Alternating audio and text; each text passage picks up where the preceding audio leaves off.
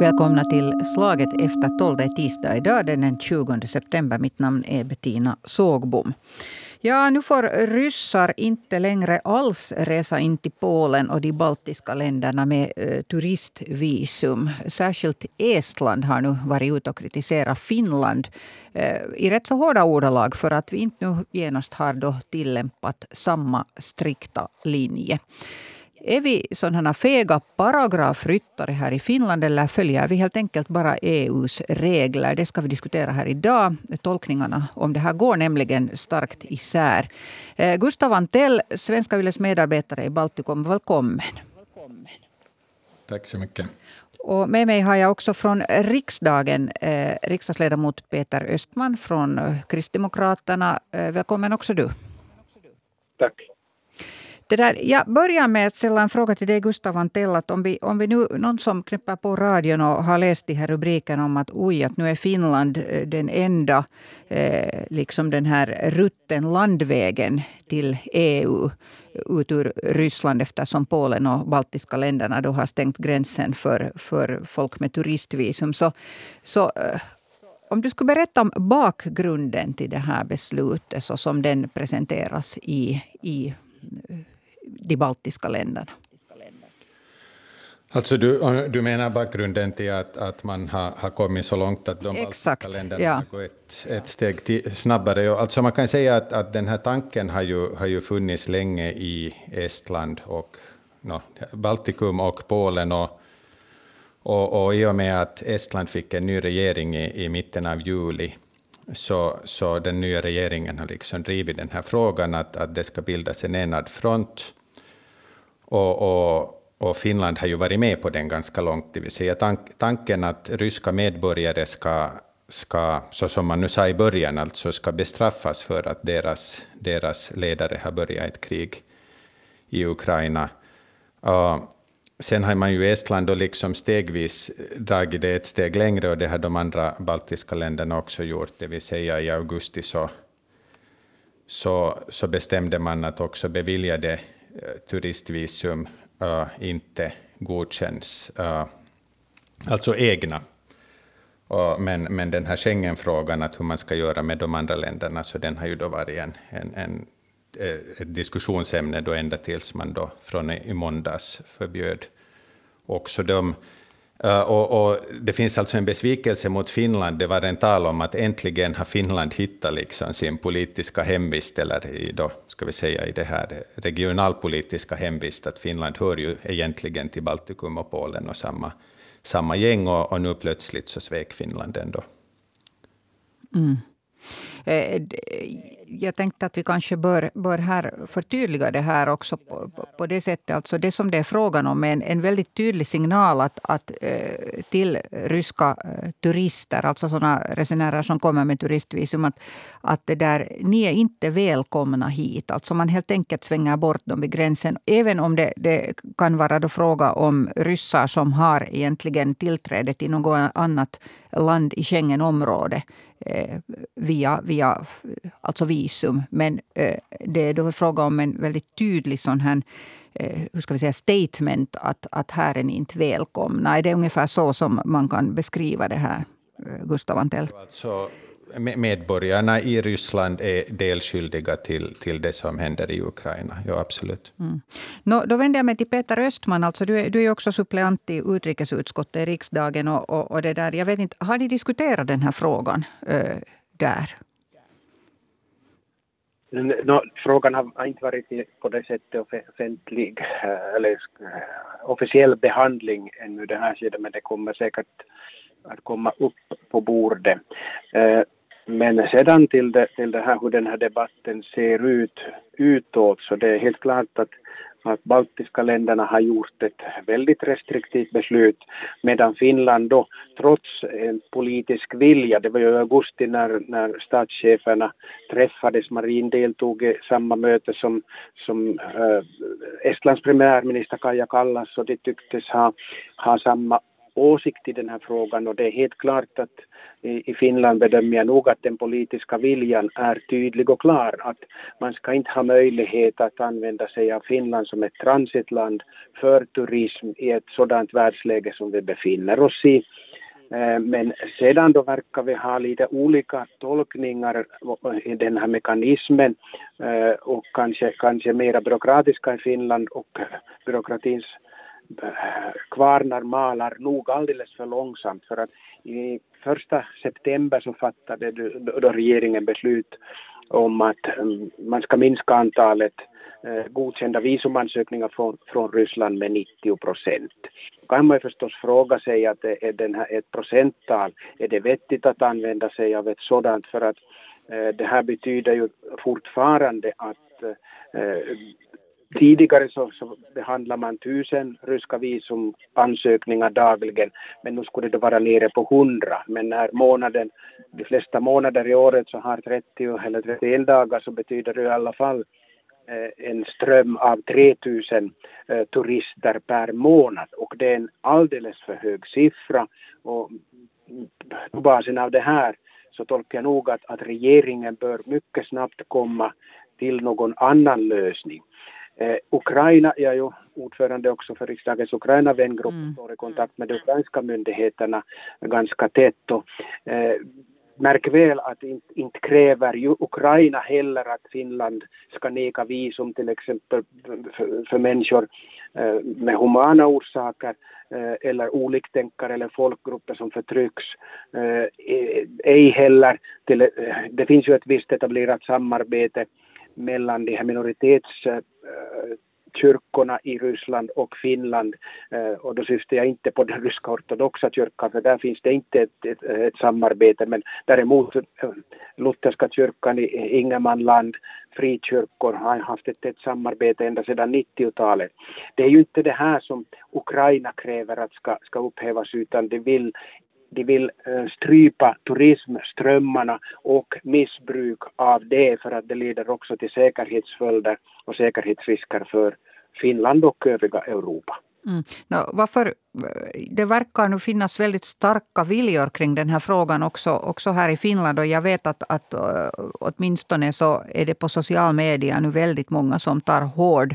Äh, de liksom förstår inte nu det här. Att, att vad är det här att fundera på? Att varför bestämmer man inte bara att äh, man hittar alltså lagparagrafer som stöder det här, så bestämmer man bara att, att, att, att okej, okay, nu är gränsen fast för, för ryska turister eh, som är på väg. Ehm, alltså, vad är det som är så svårt?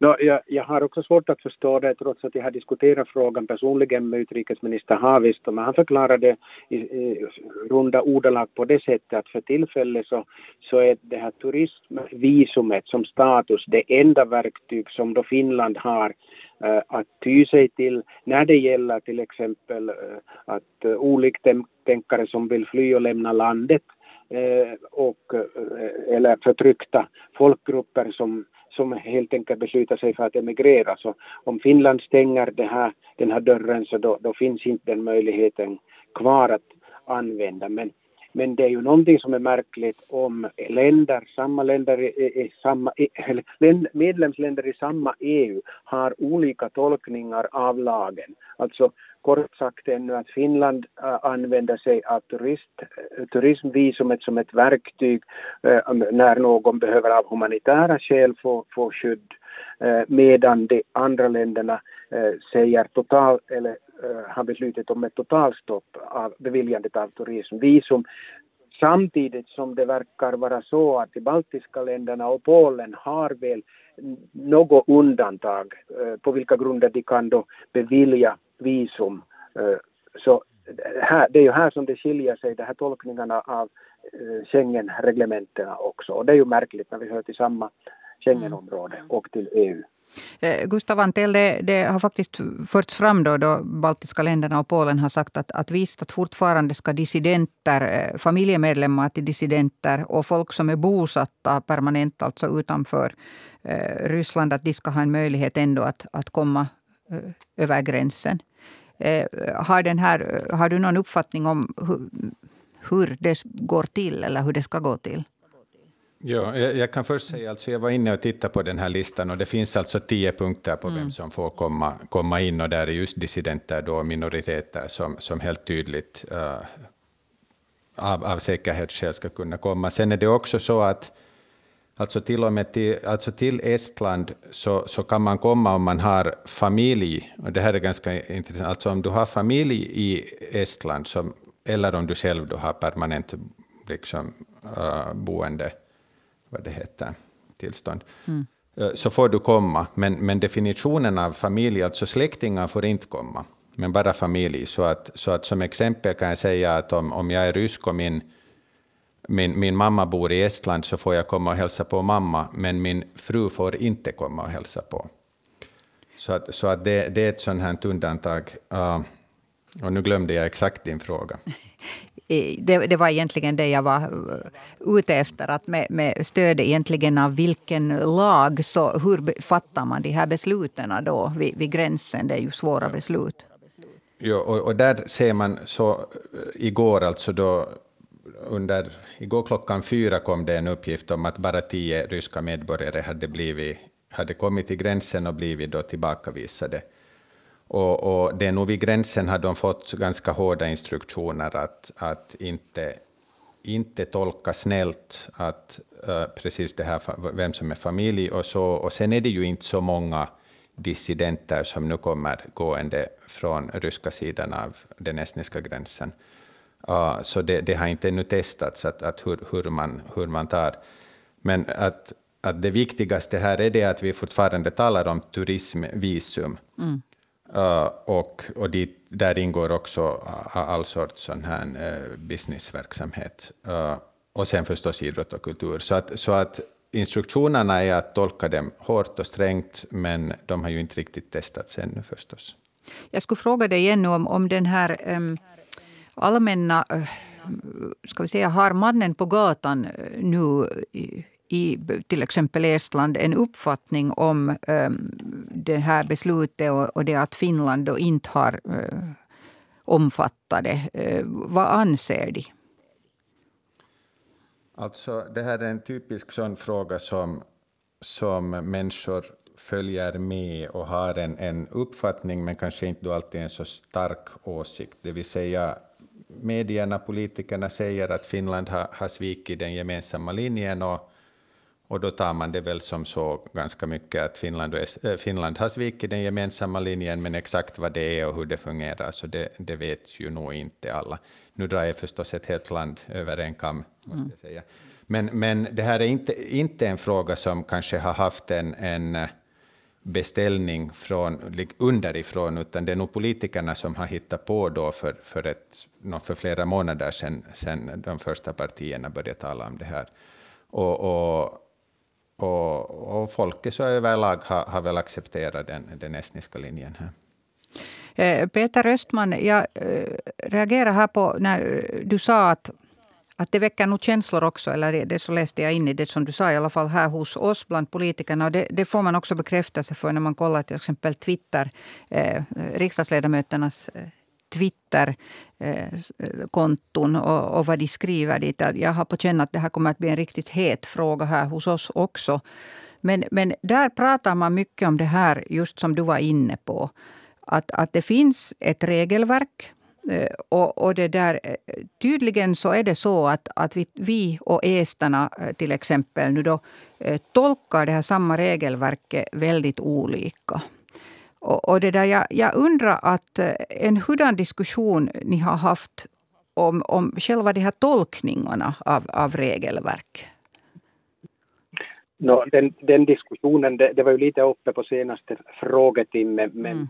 en frågetimme ger sällan svar, direkt svar på de här frågorna eftersom det, det är fråga om ganska komplexa saker. Och Eh, just när det gäller då debatten som går på Twitter och, och debatten i offentligheten så den, den, blir ju lätt så svartvit om, om man inte har alla de här eh, ska vi säga, om, om de som uttalar sig inte har kännedom om allt vad som ligger bakom. Nu kan jag ju inte säga att om, om, om eh, utrikes, utrikesminister Haavistos tolkning, om jag uppfattar den alldeles så rätt, alltså, exakt rätt så som jag borde fatt, har fattat den när han förklarar den här problematiken. Eh, jag upprepar det ännu en gång att han förklarar att det här turismvisumet så är mm. egentligen det enda verktyg Finland har att ta till när det gäller eh, dissidentfall som till exempel Eh, då igen, baltiska länderna eh, inte använder turismvisumet utan de, de gör andra undantag. Och, och, det här är ju en fråga som snabbt borde redas ut här i Finland att varför kan vi ha olika tolkningar på det här sättet? Det blir ju så lätt en, en svartvit fråga när det debatteras på, på Twitter eh, men, men en het fråga är det så tillvida att, att eh, presidenten efterlyste ju också senaste vecka eh, när han hade en träff med medians representanter, var det senaste veckas onsdag eller torsdag, och, efterlyste en restriktivare visumpolitik. Eh, men samtidigt så påpekar också presidenten att vi behöver en överenskommelse med Schengenländerna, att annars så kommer det inte att fungera.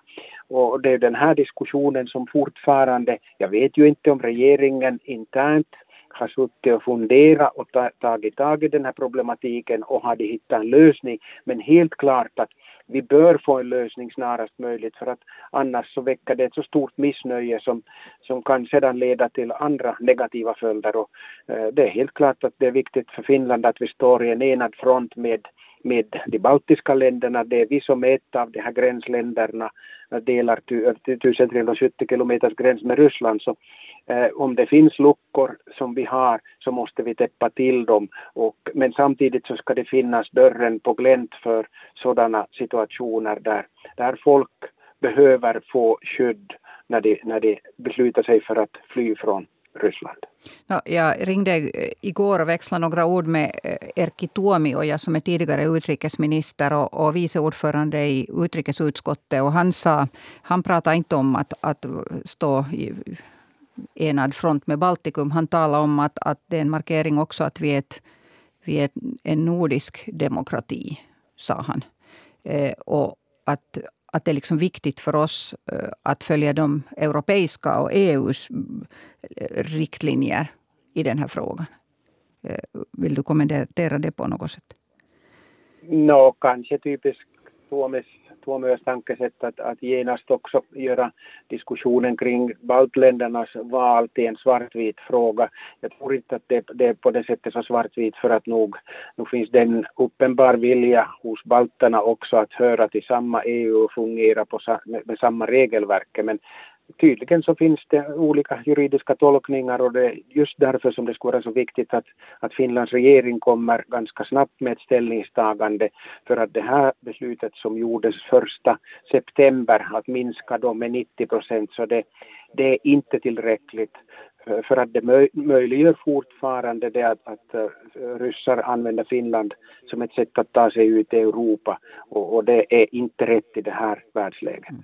Eh, det där det som har sagts om, om det här beslutsfattande, alltså den, när man jämför då till exempel just Estland och, och, och Finland. Eh, och jag tar nu Estland som exempel eftersom det är därifrån som den här hårdaste kritiken nu egentligen har lyfts fram mot Finland. Så det, det är det att, att eh, de fattar beslut med med målet först. Alltså vad vill vi uppnå? Och sen så, så bestämmer man att, att nu får ni söka fram passliga paragrafer som, jag spetsar lite till det här nu, men att, att ni får hitta de rätta paragraferna att tillämpa så att målet blir detta, att vi kan då avvisa ryssar vid gränserna. Medan i Finland så vänder man ut och in på varenda paragraf jättelänge före för att vara helt säker på att man inte gör något fel.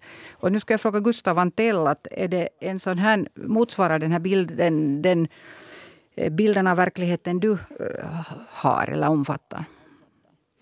Ja, absolut, ja. Alltså det är nog så som man, man nu ser det, att, att Estland har visat igen att det är ett dynamiskt samhälle där man får saker gjorda, där man i första hand tänker på, uh, liksom i det här fallet då, då landets eh, uh, no, riktigt i början talar man mycket om säkerhetsintressen och just det att Estland har inte möjlighet att behandla varje individ skilt. Och, och, och då liksom, måste man göra så här, så säger man i Estland att, att eh, för det första har inte EU-kommissionen tydligt sagt något nu att Estland har gjort fel, för det andra så, så har EU-kommissionen ganska mycket tagit över Estlands retorik, vilket bevisar att EU-kommissionen tycker att Estland och, och då Baltikum, Polen gör rätt nu. Och för det tredje så visar ju pandemin också att ibland så måste man ta sina beslut före och sen får grundlagsutskottet visa att man, man bröt mot reglerna men, men uh, sånt är livet och det är så som politik ska fungera, att man alltid gör det man tycker att det är bäst. Med, eh, liksom, det, det är i åtanke och, och precis paragraferna är, eh, finns till för att tolkas. Mm. Det här finns ju en lång historisk förklaring till att Finland beter sig på det här sättet. Åtminstone enligt utrikesutskottets eh, ordförande Jussi halla som på Twitter har i 15 eh, delad tweet gått igenom Finlands historia och hur vi har liksom klarat oss genom eh, rysk då medan vi, vi alltså var en del av, av eh, Ryssland egentligen att, att hur vi klarar oss genom att helt enkelt tillämpa juridik på det här sättet. Att, att vara petnoga och vända in och ut på varenda paragraf. Att det finns liksom en historisk förklaring till det här, menar han. Men, men det där är... Jag måste... Ja, ville du säga någonting, Peter Östman? Ja, jag, jag håller nog med den här analysen att på det här sättet skiljer sig den estniska politiska kulturen från, från det finländska, att man, man eh, fokuserar på, på målet, vart man vill nå och så, sen ser man på lösningarna och sen kommer det kanske då eventuella problem. Eh, och sen i, i, i Finland så finns det en sån här invand kultur att man eh, speciellt på, på tjänstemannahåll men det har, det har också smittat av sig på, på en del politiker att man i Finland så ser man först att ja vilka problem kan det här leda till och då först så börjar man se på, på lösningen och, och eventuella målet om man ska uppnå det. Så det, det är helt omvänt system. Eh, samtidigt så finns det säkert belägg för det här eh, Hallahos analys att, att eh, Finland har varit tvungen av omständigheterna att vara väldigt petnoga med paragraf, paragrafer och reglemente. Eh, men i den här situationen så, så tror jag nog att det finns fog att, eller ja, det, det är skäl att tänka om eh, i, i det här, hur vi ska lösa det här problemet för att de här hittills gjorda lösningarna fungerar inte tillräckligt effektivt och det uppstår säkerhetsläckor. Mm. Eh, eh, här finns olika sådana synpunkter som har lyfts upp här som, som faktiskt Gustav Antell också nämnde. Det ena var alltså säkerhet och det är det som, som Estland just har eh, åberopat speciellt. De har sagt att, att eh, de har inte möjlighet, jag upprepar nu det som du sa Gustav Antell, just att de har inte möjlighet att börja sätta sig in i varenda en ehm, person som kommer till gränsen och dens bakgrund och göra en, en sån här koll på det. De har bland annat hänvisat till att det kan också komma folk som vill eh, göra skada helt enkelt. Alltså vi har talat mycket om hybridhot. Och till och med har det lyfts upp eh, de här fallen där eh, ryska medborgare har alltså förgiftats i, i London. Att det, det, finns också en möjlighet att folk utnyttjar det här kryphålet till att, att helt enkelt göra illa. Eh, jag undrar hur mycket den här diskussionen har, har påverkat um, folket. För, jag tänker nu just på baltiska staterna eftersom jag har fått den bilden i alla fall att det, är, det egentligen också är folket som har velat ha sådana här strikta uh, bestämmelser. Va, vad säger du, Gustav Antell? Alltså, folket, lite som jag sa tidigare, mm. det, det, finns andra exempel nu här nyligen, eller till exempel idag så, så diskuterar Rigikogu-parlamentet här att om, om ryska medborgare som är bosatta i, i Estland ska förlora sin rösträtt i kommunalval. Och det är en liknande fråga. Alltså det, när politikerna tar upp sådana nya tankar som kanske inte folket går själva och funderar på så mycket och inte går människor och är rädda för ryssarna hela tiden. Men sen när det blir en politisk fråga så är det helt tydligt ju att det engagerar och, och människor, människor liksom tar till sig det här att ja, visst finns det risker och visst, visst finns det att det som vi kanske inte alls funderade på för två månader sedan, så nu är vi ganska överens om det.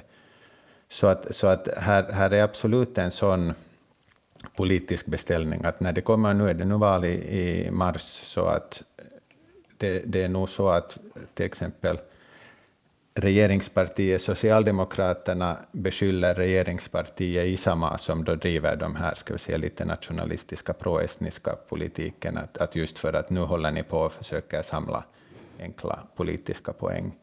Uh, om det är så vet jag inte, men, men om, det, om det är så, så funkar det ju också. Mm.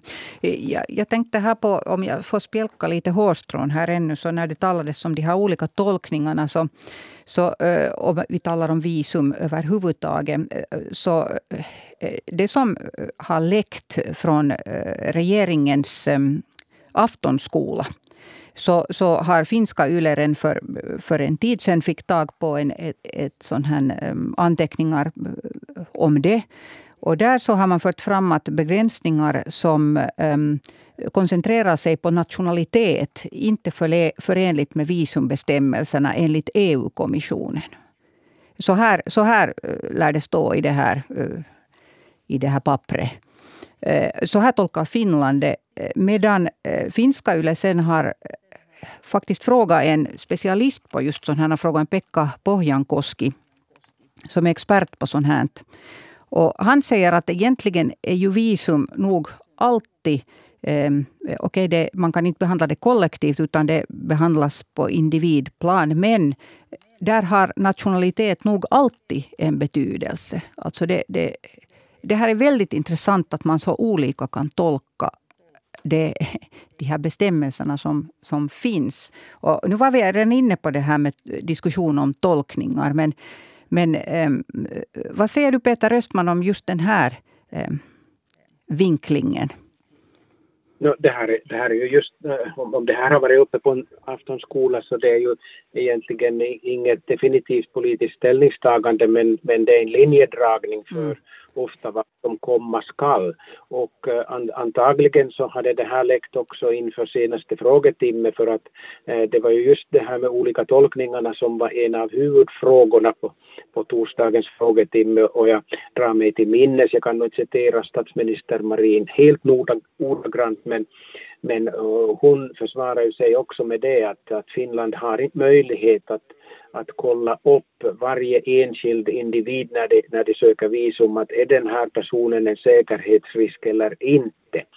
Och, och, men, men hon svarade då inte på följdfrågan att hur ska vi då lösa det? Att i och med att det konstateras fortfarande komma eh, cirka 3000 människor över gränsen per månad, att då, då är det den här risken, säkerhetsrisken enorm om inte vi har verktyg att kolla upp de som, de som söker visum. Så nu är den här frågan är fortfarande olöst och jag, jag skulle emotse att regeringen mycket snabbt kommer med, med nya tolkningar, tydliga tolkningar som också gör att vi får eh, framförallt den ukrainska ledningen eh, nöjd med situationen. För att det är ju eh, det har kommit uppmaningar och det har man full förståelse för att Ukrainas president har uppmanat EU-länderna att, att de ska Eh, förbjuda ryska turister att resa fritt eh, under den här krigsperioden. Och det är någonting som jag tycker att man ska hysa stor respekt för eh, samtidigt som det är fråga om, jag understryker ännu en gång, det är en uppenbar säkerhetsrisk också för, för länderna inom EU att fortsätta att släppa in turister under det, ska säga turistbegreppet, men vi vet inte om vilka, vilka planer de har. Mm. Eh, den här samma juridiska expert som finska Yle har använt, Pekka Pohjankoski, så han säger att Visumreglerna används eh, alltså nu för att göra politik. och Det är det som är den här svårigheten här. För reglerna är inte skrivna eh, med politiskt syfte, utan de är skrivna, de har kommit till för helt andra syften. Eh, det är helt enkelt för att besluta om vilka individer får, får komma över en gräns och vilka inte. Och på vilket sätt man kan begränsa det. Och, och, och nu blir det liksom politik av det hela. Av helt begripliga orsaker. Men, men det där saknar vi alltså en, en, en... Är det en politisk diskussion vi saknar om det här? Jag frågar... Mm, varsågod. Ja. Om, man själv, om man själv vill svara först. Eh, Gustav Antell, vad, vad, säger du?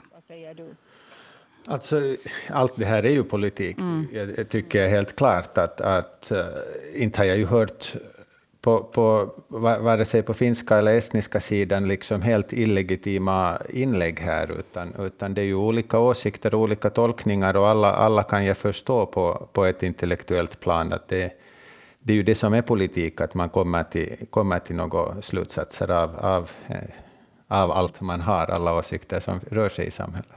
Mm. Eh, Peter Östman?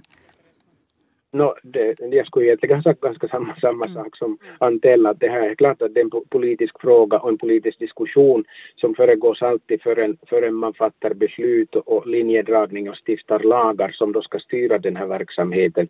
Eh, sen är det förstås olyckligt om, om eh, besluten styrs mera av åsikter än, än eh, rätta juridiska tolkningar när det gäller en så känslig fråga som, som visumpolitik. Att, eh, där borde nog eh, mera den här juridiska aspekten, hållbarheten beaktas än ideologiska tankar. Mm. Och för att få ett sånt här eh, juridiskt hållbart beslut på det här så det, det framhävde också samma juridiska experten Pekka Pohjankoski fortfarande så han säger att, att om någon rysk eh, eh, så här turist då blir avvisad från gränsen säg, och bestämmer sig för att eh, göra det här till ett, till ett ärende för, ehm, för EU-domstolen eh, då skulle vi ha ett beslut. Men hittills har till exempel EU-kommissionen inte velat ta ställning till vad de, det betonar ni båda här i början, att huruvida de baltiska staterna och Polen nu gör rätt eller fel. Det har varit väldigt tyst eh, från den sidan. Eh, vad, vad, tänker ni om en, en sådan eventuell lösning? Jag tycker det skulle vara en önskvärd lösning för att den processen kommer att ta alldeles för länge i alla fall och därför så borde nog eh, politikerna, vi i Finland och främst regeringen komma med ett eh, nytt uppdaterat beslut av den här tolkningen eller den här linjedragningen som man gjorde i början på september. För att jag anser att det på för lösa grunder Eh, gjort det beslutet och det hade ju visats också via den statistik som man får att hur mycket folk som ännu korsar gränsen. Eh, Gustav Antell, hur tror du att det här eh, diskussionen nu som pågår här och den här kritiken som har framfört, hur den påverkar förhållandet mellan Finland och låt oss säga då framförallt Estland som vi ju av tradition har haft mycket samarbete med. Jo, alltså det, det att man klagar på Finland, så det är ju, det är ju en lång tradition mm. också i Estland, spe, speciellt uh, de senaste 15 åren när, när, man själv har tyckt att man, man, har klarat sig så bra, eller ska vi säga 10, 10 åren. Att, att, att, och, och det estniska folket, så de, Finland, Finland är så pass känt och så pass omtyckt och populärt, och nu ser man ju fortfarande Finland som en, en mer utvecklad demokrati än Estland. Att inte tror att det här skadar. Det, det, är ganska mycket estnisk inrikespolitik att använda Finland som ett slagträ, och, och, och jag tror inte att det har någon större betydelse.